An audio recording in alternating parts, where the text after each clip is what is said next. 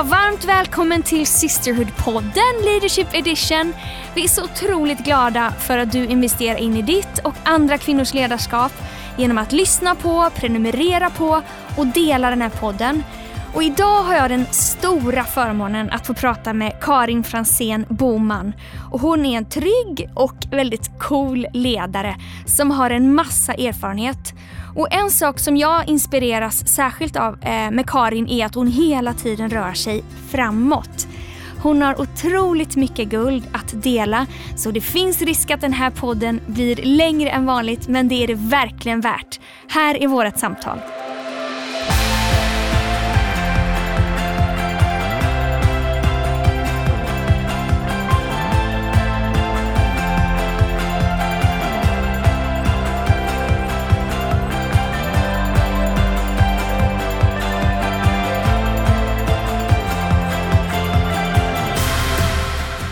Välkommen Karin till Systerpodden Leadership Edition. Mm, tack Lina. Vad kul eh, det här samtalet ska bli. Ja. Jag tänkte att eh, jag, eh, för de som inte känner dig, eh, att jag med ljusets hastighet här skulle göra ett försök att eh, några axplock, eh, lite kärnan av du, hur din resa sett ut, vilka jobb och uppdrag eh, som ledare du har haft. Är du redo? Jajamän. Så får du rätta mig ifall jag säger någonting som är fel. Ja. Okej, så du har varit idrottslärare, tränare i friidrott med juniorvärldselit och i senior, alltså både nationellt och internationellt. Sen har du varit affärsområdeschef. Sen har du varit rektor och egenföretagare. Precis. Stämde det? Ja, allt. Det är en otroligt brokig eh, och härlig resa Ja. som du har gjort. Och jag vet också, jag såg att du fyllde 60 förra året. Ja, till och med år. I, april. I år? Ja. Det var i April. år.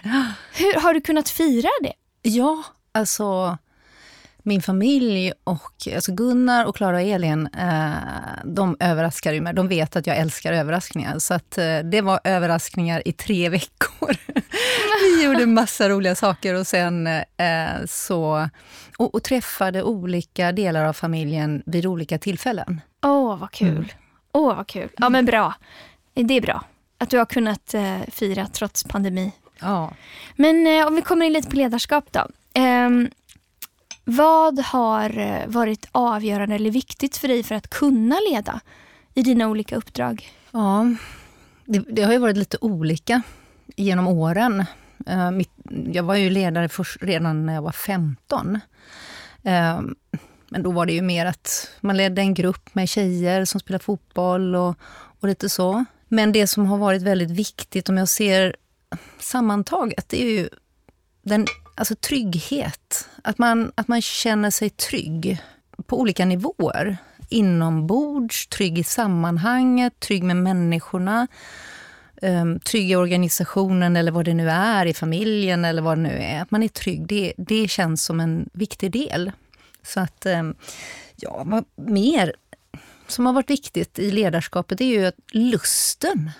Att vilja få människor att utvecklas, använda hela sin potential, se människor. Sen är det ju en viktig ingrediens att omge sig med människor som är bättre. Så alltså, och det innebär ju då att jag måste veta vad jag inte kan och förstå att jag kan inte kunna allting. Och ha människor som är bättre på en massa saker och som jag kan se upp till i både som personer och kompetens. Det tror jag är en väldigt viktig ingrediens. Och sen det här med viljan att inspirera andra. Inte bara att de, man vill se människor utvecklas, utan också att inspirera dem. Att vara den motiverande ledaren. För mig har det varit en viktig del. tycker det är så roligt när människor lyckas. Jag tänkte på det du sa om att eh, vara trygg i sig själv men också inse att man inte är bäst kanske utan man omger sig med andra och man eh, erkänner när man inte vet och när man inte kan. Har det varit en resa för dig? Eh, För jag, när man möter många unga ledare så kan, man, eh, kan de känna kanske ett tvång eller att, de, att det behövs att de ska visa att de kan allt. Ja. Ja, men verkligen. Det är ju en av de sakerna som jag verkligen har lärt mig av det har tagit tid faktiskt. För från början trodde jag att aha, nu är jag ledare, då ska jag kunna allting. Och jag ska göra allting själv också. Eh, och det är ju raka motsatsen. Man har ju människor ja. omkring sig som man ska leda och för att de ska kunna göra en massa saker. Så att ja, att kunna förstå att... Alltså jag trodde ju att jag skulle, jag skulle göra allting och det funkar i tre månader. Ja, Sen funkar det inte längre. Och jag tror att tryggheten är där igen. Att våga säga, men det här kan inte jag. Det är en styrka och det vill jag verkligen att liksom dela med mig av. Att när människor säger, nej det här kan inte jag, jag kan de här sakerna, de här sakerna. Då är det en styrka. Och jag märker att det finns många som inte alls vågar och jag vågade inte. Jag vågade inte säga att det här kan jag inte. Det här är jag bra på, det här är jag bra på, det här ska jag inte göra, jag ska ha någon annan som gör det. Um, och våga ställa frågor. Hur gör man det här? Ja. Okej, nu är, finns det ingen annan som ska göra det. Jag kan inte, men jag kan lära mig. Och hur gör jag? Måste jag ha någon att fråga? Och att man inte är rädd för det. Viktigt. Mm. Ja, otroligt bra. Mm. Eh, finns det några redskap som har varit viktiga för dig? Ja, de här sakerna som vi har pratat om nu är ju också redskap. Det kan man säga. Att fråga till exempel mm. tycker jag är så viktigt. att När man pratar med människor att man då ställer frågor och är nyfiken. Och det hänger ju ihop med det här tryggheten och att man klarar av att visa att jag inte kan allt och, och så. En, ett annat verktyg är ju hjärtat. Alltså använda hjärtat, vara generös. Um, förstå att människor inte menar illa fast man själv kanske uppfattar det så ibland. Um, tänka positivt. Tänka att okej, okay, det där gick inte, men det finns nog ett sätt att lösa det på. Kan vi göra det här tillsammans? Ett relativt nytt verktyg för mig är ju Gud. Precis. Mm. Hur gammal var du? Det är inte så alltså, jättemånga nej, år sedan. Nej, och det är ju... Jag är inte uppvuxen i, i uh, en troende familj. Så när jag spelade tennis som 12, 13, 14, 15-åring någonstans upp till 18 så varje gång jag skulle serva så bad jag till Gud. Ja, det bara kom helt naturligt. Det bara kom helt naturligt. Och det var ju ingenting som någon hade lärt mig utan och sen pratade jag mycket med min pappa som dog när jag var 12-13 år. Pratade med honom och han var ju i himlen och, och sådär. Eh, så, så det. Men, men sen, då var det faktiskt tack vare Klara som... Eh, Din dotter? Ja, min dotter Klara som, som var i USA ett år som utbytesstudent. Och utan att gå in på hennes resa, så när hon kom hem så skulle, ville hon gärna hitta en kyrka. Mm. Så då satt vi faktiskt och googlade helt enkelt. Eh, Vad på, googlar ni på då? Kyrka Stockholm? Fri, frikyrka Stockholm, tror jag. Ja. Och eh, det fanns ju allt möjligt. Eh, och när vi då hittade Hillsong, som dessutom låg på samma gata där vi bor, Regeringsgatan, det var i Just Nalen. Ja. ja. Eh, då sa jag, men, och så läste jag på och sa, det här verkar väldigt bra, Klara. Prova där. Och så gick hon dit och så tog hon med sig Elin, min andra dotter. Och jag blev så nyfiken, för de kom hem och var ju så glada och lyckliga. Och det hade hänt väldigt mycket med dem. Och Elin hände det jättemycket med också. Hon hade ju inte varit iväg och inte upplevt det här tidigare. Så jag blev så nyfiken. Och sen söndag när, när Gunnar och jag hade varit ute och promenerat så gick vi förbi, gick, gick hem på Regeringsgatan och så och som jag bara, wow, nej men jag vill gå in och kolla. Ska du följa med? och Gunnar sa nej. och jag sa, men nej, jag går in. Och ja. då var jag i en situation i mitt yrkesliv eh, som ledare där jag mådde rätt så dåligt faktiskt. Det hade varit varit en sån här situation när jag hade fått um, flera emot mig och det var jätteknepigt och en knepig situation att ta sig ur. Så jag var så mottaglig. Jag tror mina öron var alltså, så stora när jag mm. satt och bara Wow, vad är det här? Ja, jag satt och nickade och nickade och nickade. Ja, jag håller med. Allt. Mm. och kunde känna allt. Eh, och räckte upp handen direkt. Mm. Och kom hem och berättade det för Gunnar och han bara tittade lite skeptiskt på mig. Du kom hem och hade tagit emot Jesus i ditt ja, liv. det hade ja. jag. Hur har det påverkat, om vi ska gå in på ledarskap, då, hur har det mm. påverkat ditt ledarskap? Ja, det är ju inte så här att det från en dag till en annan är så att wow, nu eh, tror jag att eh, Gud kommer att hjälpa mig med allting. Det var ju inte så. Det var lätt för mig att tro. Det var lätt för mig att känna.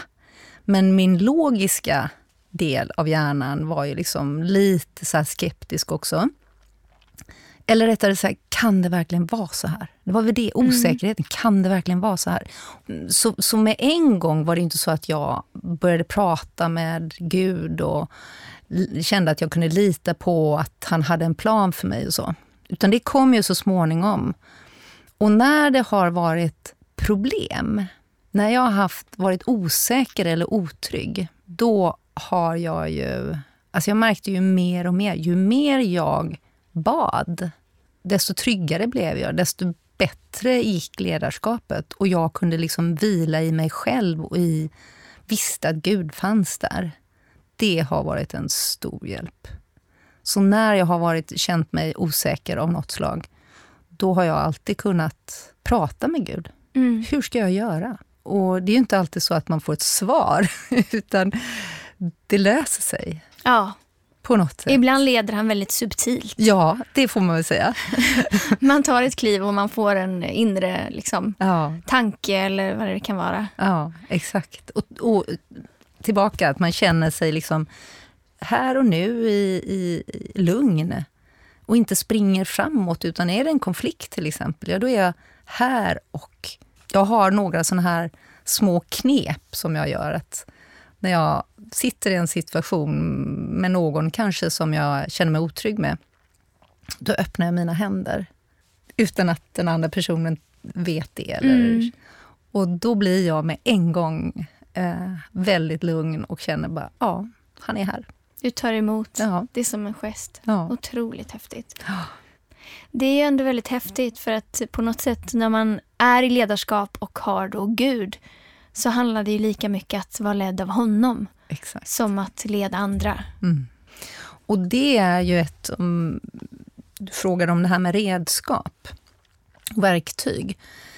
När man leder så behöver man ju också kunna ledas. Alltså att vara bra på att följa. Ledarskapet handlar väldigt mycket om det. Och man ska ju veta att det finns alltid någon som leder dig. Mm. Och inte tro att man sitter någonstans allra högst upp eh, på någon topp och leder. Det är inte så. Man är på samma plan och leder. Och man kan leda uppåt och man kan leda åt sidan, man kan leda framåt, man kan leda inåt. Och just det här att, att förstå det, att det handlar inte om nu leder jag den här gruppen och det är de som är där nere. Så är det inte. Utan det finns så mycket mer. Och att förstå att för att kunna leda så måste man kunna följa och alltså ledas. Hur har du gjort det rent praktiskt då, om du mm. har varit den som rent eh, organisatoriskt suttit på toppen? Ja, det har jag gjort några gånger. Ja. ja. Men det är ändå alltid så att du har någon där som, som ja dels så har du ju Gud, mm. um, men också så har du ju alltid någon, en ordförande eller en uh, styrelse eller en annan chef. Uh, så. Um, eller en ledare i organisationen. Du har jobbat och jobbar fortfarande lite grann med chefsrekrytering. Mm, absolut. När du då rekryterar chefer, det är ju verkligen ledare, vad, vad tittar du efter? Ja, det är ju ganska många ingredienser som egentligen handlar om hur man vill att en medmänniska ska vara. Det som jag har pratat om nu med trygghet till exempel, det är en viktig ingrediens. Det betyder inte att du inte kan vara nybörjare. Nej, just det. Att du inte... Alltså att vara trygg innebär inte att du kan allt eller att du har gjort det här förut. Utan att du är trygg i dig själv, att du förstår att du inte kan allt. Förstår att du har en självinsikt och att du förstår att ibland hamnar du i försvar men du behöver jobba med det och bli bättre på det, att inte göra det. Och det finns en massa saker i dig som i vissa sammanhang är svagheter men i andra sammanhang är styrkor. Och man behöver jobba med det och förstå det. Och hur gör man det då? Ja, det är ju genom att läsa sig själv i andra människor. Och Gud. Och förstå att man kan lyssna på andra människor och höra vad säger de om dig. Och sen inte bli nedslagen och se det som ett misslyckande när du har saker som du inte är så stark på i din personlighet eller kompetens. Och det är en trygghet, att man skaffar sig sådana erfarenheter, att man lär sig av sina misstag. Och det kan ju vara allt ifrån att du och dina tjejkompisar plötsligt från att vara jättegoda vänner får en konflikt. Och istället för att springa bort ifrån den så kan ni väl sätta er och prata med varandra. Och då lär man sig någonting om hur andra uppfattar en själv. Och också det man säger, hur det uppfattas. Ibland kan ju det av några uppfattas väldigt positivt och andra väldigt negativt. Mm. Och det där är en trygghet att förstå att så här kan det vara. Och en mognad. Det är en otroligt bra sak för en ledare tänker jag att göra. Att försöka objektivt tänka vad de runt omkring en ser i mm. en. Både styrkor och svagheter. En bra liksom, eh, termometer för Aha. att se okej, okay, vad behöver jag jobba med och vad, vad är mina styrkor? Och, eh, jättebra redskap. Mm. Och, och, ställa frågor. Fråga, hur uppfattade du mig idag? Men om vi har haft en, man har lett till exempel en söndag, teamat eller lett ett team. Och så efteråt så kan man ju faktiskt ta någon som man känner sig trygg med och fråga, mm. hur uppfattade du mig idag? Hur kan jag utvecklas? Men också det här att tänka på att om man, om man berättar för en grupp, jag vill att ni ska göra det här och det här, och de inte förstår, så handlar det ju inte om att de inte har förstått bara, utan det handlar om att du inte kanske har använt ett språk som gör att de förstår. Ja, kommunikation alltså. Finns det något mer härligt och frustrerande? Precis. Oh, det, ja, och så... Man, så, man tycker att man är så tydlig, ja. men uppenbarligen inte. Nej, men precis. och det där, och liksom när man, är, man kan ju också bli övertydlig. Så att man, jag har en förmåga till det att eh, säga samma sak på många olika sätt för att verkligen nå fram, tror jag. Och då mm. blir det ju för de som redan har fattat, dem, det blir jätteotydligt.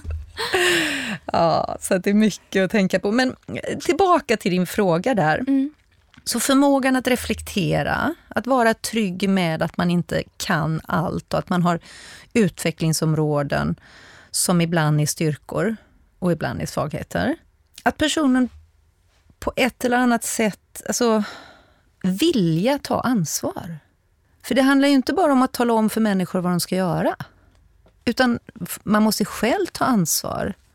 Men också förmågan att delegera, att lämna ansvar till andra och vara trygg i det. Och, och förstå att okej, okay, de här personerna kommer kanske inte göra det på det sättet du har tänkt dig. Men testa, man kan bli förvånad över att det blir ännu bättre. Mm. Jag hörde en eh, annan ledarskapspodd, då var det en person som sa att eh, om en person man leder kan göra samma sak som jag gör, 50 procent, alltså hälften så bra, då ska man delegera det. Ja. Och det är ju väldigt utmanande tanke för alla oss control freaks. Just det. Ja, men... Som många ledare kan vara. Ja. Och det Absolut, och det är kanske någonstans grunden för mycket av ledarskapet. Att man vill ha lite koll och kanske ha lite helikopterperspektiv och se allt och så. Men för att bli en bra ledare och en trygg ledare så behöver du förstå att det är ju inte bara dig själv du leder, utan du leder andra och de måste ju få vara med och hjälpa till och de gör det förmodligen ännu bättre, för du har ju personer runt omkring dig som är bättre än du. Mm. Och att vara trygg i det, inte se konkurrens. Och där är ju vi tjejer och kvinnor väldigt duktiga på. Att se konkurrens i varandra. Och det där skulle vi kunna ha en hel podd om. Ja, absolut. Det skulle vi kunna göra. ja. Och hur man ska göra för att inte hamna där. Um, något annat som, vi, som jag tittar efter uh, i chefsrekryteringen är ju att man är en motiverande ledare. För ofta handlar det, ju, handlar det om att jag letar efter en person som är rätt för just den här organisationen och det här teamet. Det är inte alltid man som ledare skaffar ett eget team, utan oftast kommer man ju till ett befintligt team. Mm. På och, en arbetsplats. Där, ja. ja, mm. och då vill man ju gärna att den personen är bra på att motivera andra. Det betyder inte att man står och säger heja, heja, heja, utan att man är en, man har, man är en motiverande person i det sammanhanget, i den verksamheten, på den arbetsplatsen. Och det kan ju vara väldigt olika hur det ser ut och vilka ingredienser som den personen har och vilka egenskaper mm. och personligheter. Mm, absolut. Mm, ska man jobba på, i en verkstad kanske det ser ut på ett sätt. Ska man eh, leda i, ja, i ett fotbollslag eller något annat. Ja. Eh, så att, sen är det, tycker jag, en viktig del är att förmågan att lyssna och lyssna in. Alltså lyssna, verkligen. Någonting som du är väldigt bra på, Lina. Att vara här och nu och höra vad personen säger. Och sen, Inte bara vänta på sin egen tur att prata. Ja, men exakt så. Och det är ju jättelätt att hamna i det. Alltså hur många gånger har man inte gjort det? Jag vill ju säga det här. Nej men verkligen lyssna in och höra vad den andra säger och kunna mm, svara på det och resonera och samtala om det. Sen kanske man får sin tur att säga vad man själv ville säga. Ja. Um, men också lyssna in. Alltså lyssna in. Hur, vad är det för läge här? Vad är det för stämning? Vad, vad behöver de personerna jag leder? Uh, vad behöver mina ledare? För det här med att följa och ledas handlar ju också om att se vad min ledare behöver för att lyckas. Mm. Och nu kommer jag komma in på ett sidospår eh, för, eh, så att vi ska hinna med så mycket som möjligt. För vi pratade lite tidigare om att, olika, att män och kvinnor kan behöva ledas på olika sätt. Mm. Och, att, och du nämnde någonting som du, som du kallar för eh, falsk jämlikhet eller något sånt där. Att kvinnor förväntas vara som män och tvärtom. Vad jag menar med det är helt enkelt att när jag växte upp så fanns det inte jättemånga kvinnliga ledare, kvinnliga chefer eller kvinnliga ledare. Det fanns ju det för det var väldigt många lärare som var kvinnor. Det är ju verkligen ledare ja. och mammor och så. Mm. Men sen i yrkeslivet, så de som var chefer var inte så många kvinnor. Sen fanns det ju då generationer före mig som har jobbat med jämlikhet. Och då har de ju pratat väldigt mycket och jag, jag kunde aldrig riktigt hålla med dem. Även om jag, som jag har berättat för dig, att jag, för mig var det en självklarhet att det inte spelar någon roll om man är pojke eller flicka, man eller kvinna. Om man utför ett arbete på samma sätt och så vidare. Eller bestämma eller vad det nu är för någonting. Och det för mig var jämlikhet, att man blir lika behandlad. Men så den tidigare generationen, där kändes det för mig som att alla skulle vara som män. Alltså alla kvinnor skulle leda som män för att få bli accepterade. Och det där var, det var när jag började komma ut i yrkeslivet och jag kunde inte riktigt förstå hur jag skulle förhålla mig till det. Vi är olika och just därför leder vi också olika. Precis. Och det är kvaliteter som man ska ta vara på. Om alla ska vara precis lika, när vi ändå inte är lika, Nej det blir en falsk jämlikhet. Och det är ju härligt att se att faktiskt redan nu så är det ju ett annat landskap. Mm. Börjar bli. Ja, det börjar bli. Verkligen, och, och, och det märker man tydligt eh, bland de yngre kvinnorna att, och tjejerna att det är lättare att leda tjejer. Eller bli ledd av en kvinna, det är mer vanligt. att man... Eh, för i min generation så, så föredrog man en man som ledare Fast, fast det var så att man pratade om att åh, vi måste vara fler kvinnor i näringslivet, vi måste vara mer kvinnor där och där. Och, så när man väl valde så valde man en, man som ledare. Jättemärkligt. Otroligt intressant. Ja, jätteintressant verkligen. Men det hänger ju ihop med det här som att det inte fanns så mycket kvinnliga förebilder. Nu när vi ändå är inne på det, um, för det här är ju en podd av kvinnor för kvinnor i ledarskap. Har du stött på motgångar eller utmaningar som har berott på att du är kvinna? Och hur har du mött det? Ja, oh ja. Hur tror du är det bästa sättet att bemöta det? Mm. Jag var ganska dålig på att... Alltså jag gick emot istället för att lite grann gå med och förklara hur jag tänkte. Jag blev så överrumplad och kände mig väldigt utstött istället för att se att det är okunnighet. Och jag tror att ha ett öppet sinne för att människor menar egentligen inte illa, även om du kan fara illa av deras beteende. Ehm, så att man kan välja att istället inte gå emot, utan gå med vid sidan av. Lyssna. Ja, men hur tänker ni då? Och det är klart att det var ju orättvist. Och då vill man ju bekämpa den orättvisan. Ja. Men det kanske inte alltid hjälper när man sätter hårt mot hårt. Exakt. Även om man har rätt. Precis så. Utan att, som du säger, man behöver komma jämsides och mm. hjälpa dem att förstå. Mm. Um, jag tänkte att vi skulle avsluta med det här, kanske blir en lång avslutning. Men om du skulle ge några råd till en ung tjej som är i början på sin ledarresa. Vad skulle du ge för råd då? Ja, tio stycken kanske. Ja, kör! Nej, men det är viktigt det här, jag har ju pratat om det en hel del, att lära känna sig själv. Att gå till sig själv och förstå sina egna svagheter och styrkor. Och att förstå också att svagheterna ibland är styrkor, men styrkorna är ibland svagheter. Ja. Och det där är jätteviktigt att ta med sig för att man ska kunna leda andra.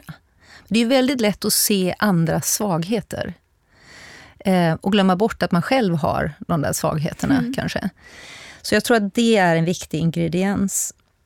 Och att man också vågar lära känna sig själv lite på djupet och fundera på, okej, okay, jag reagerar alltid så här och så här i de här situationerna. Vad kommer det sig? Lita på dig själv är en viktig ingrediens. Alltså lita på det här. Även om du nu, jag har sagt att det är okej att ha svagheter och lära känna dina svagheter och dina styrkor. Så lita på dig själv med dem. Med alla dina ingredienser. Lita på att du kan. Sen träna på att bygga relationer. Det är nummer tre. Det är nummer tre. Ja. Nu är vi inne på nummer tre. Bygga relationer. Och då är ju det här som, som vi har pratat om, att relationen uppåt till Gud relationen framåt till dina egna ledare, nedåt till de du leder och andra personer som du kanske inte leder heller. Eh, eller också. Och åt sidan, de som är runt omkring dig. Jobba med de relationerna. Relationer kommer inte av sig själv. De är inte bra av sig själv. Man behöver kämpa lite. Nummer fyra, som jag egentligen har nämnt, men jag tycker det är viktigt att ta det som en egen punkt, att träna sig på att följa andras ledarskap. Mm. Alltså titta på hur leder andra? Finns det någonting där som du kan plocka och använda dig av? Om du har någon som du själv ser upp till, vad är det som är så bra med den ledaren? Just det. Vad kan du lära dig av det? Också det, vad kan du lära dig av det som inte är bra? Hur gör du? Hur använder du det som en styrka istället? Nummer fem, hjälp människor runt dig att lyckas. Och det är både de som du leder och som du blir ledd av, men människor som inte alls finns runt omkring dig kanske du söker upp. Hjälp människor, ha den inställningen att hjälpa människor att lyckas oavsett vad det är för något. Jag tror att det är en inställning som handlar om till exempel generositet och hjärta och Att verkligen tänka positivt. Hur kan jag hjälpa till? Det är otroligt bra. Då måste man ju släppa det här territoriella och riskera att den man leder blir bättre Exakt. än man själv är. Precis. Och det är det man hoppas. Ja. ja. När du ändå säger det så vill jag ändå lägga till det här liksom att som ledare så är det ju bra att vara en förebild. Att man går före, att man, att man är en fyr, att man är, eh, lever kulturen som är i organisationen, i kyrkan, i, på arbetsplatsen. Men också att man kan leda utan att synas, utan att märkas. Just det. För många ledare vill gärna stå allra längst fram, högst upp. Men mycket handlar det om att leda vid sidan av. Kanske inte synas alls, kanske inte alls ta cred. Våga ta ansvar för det som inte funkar och låta andra ta cred för det som funkar. Mm, det är otroligt bra. Ställ frågor. Våga ställ frågor. Både på det som du inte kan. Hur ska jag göra? Jag kan inte det här. Jag har försökt.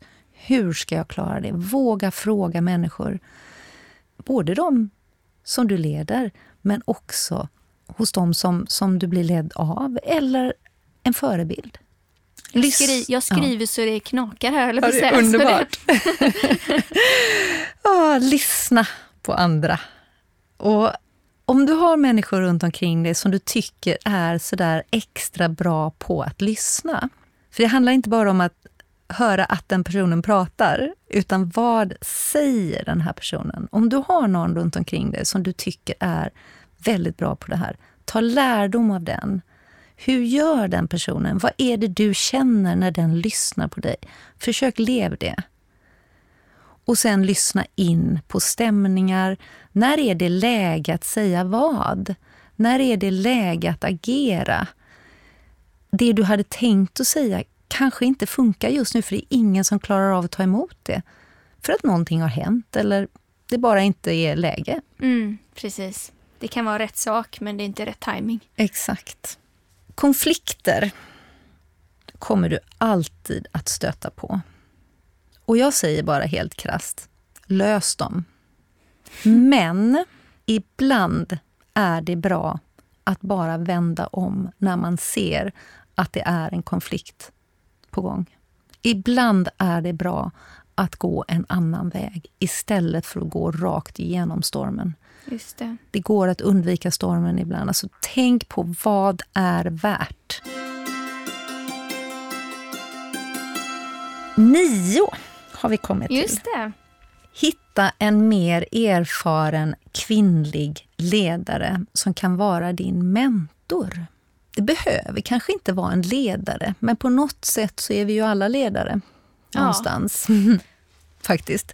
Men just det här att ha någon som du är trygg med och som du verkligen kan vara öppen med, med dina brister, som du själv känner är brister och styrkor och kunna prata och ställa frågor och bolla och fråga hur gör du? Hur skulle du ha gjort i min situation? Och lyssna och lär. Ha en, en ständig dialog med. Och det viktiga med det är att man verkligen litar på den här personen. För då vågar du ta till dig när den personen ger dig rak feedback. Just det, precis. Men att du är trygg med den personen. Och ibland kan det vara så att man har en mentor under, under en period. Och sen så konstaterar man att nu har jag utvecklats så mycket så nu vill jag ha en annan.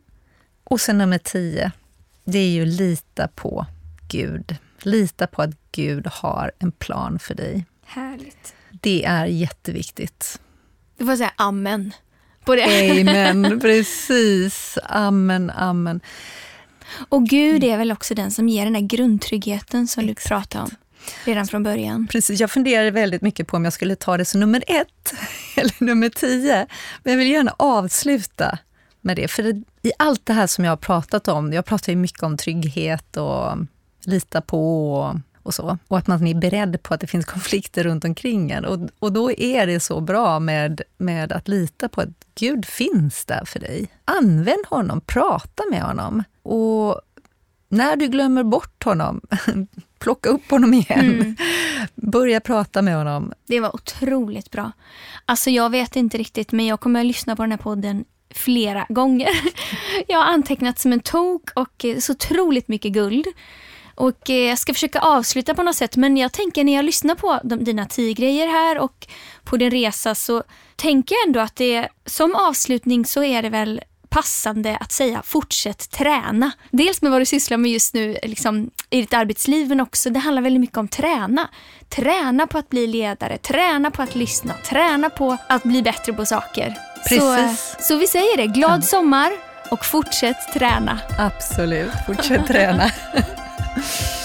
Tack Lina. Tack så jättemycket. Ja.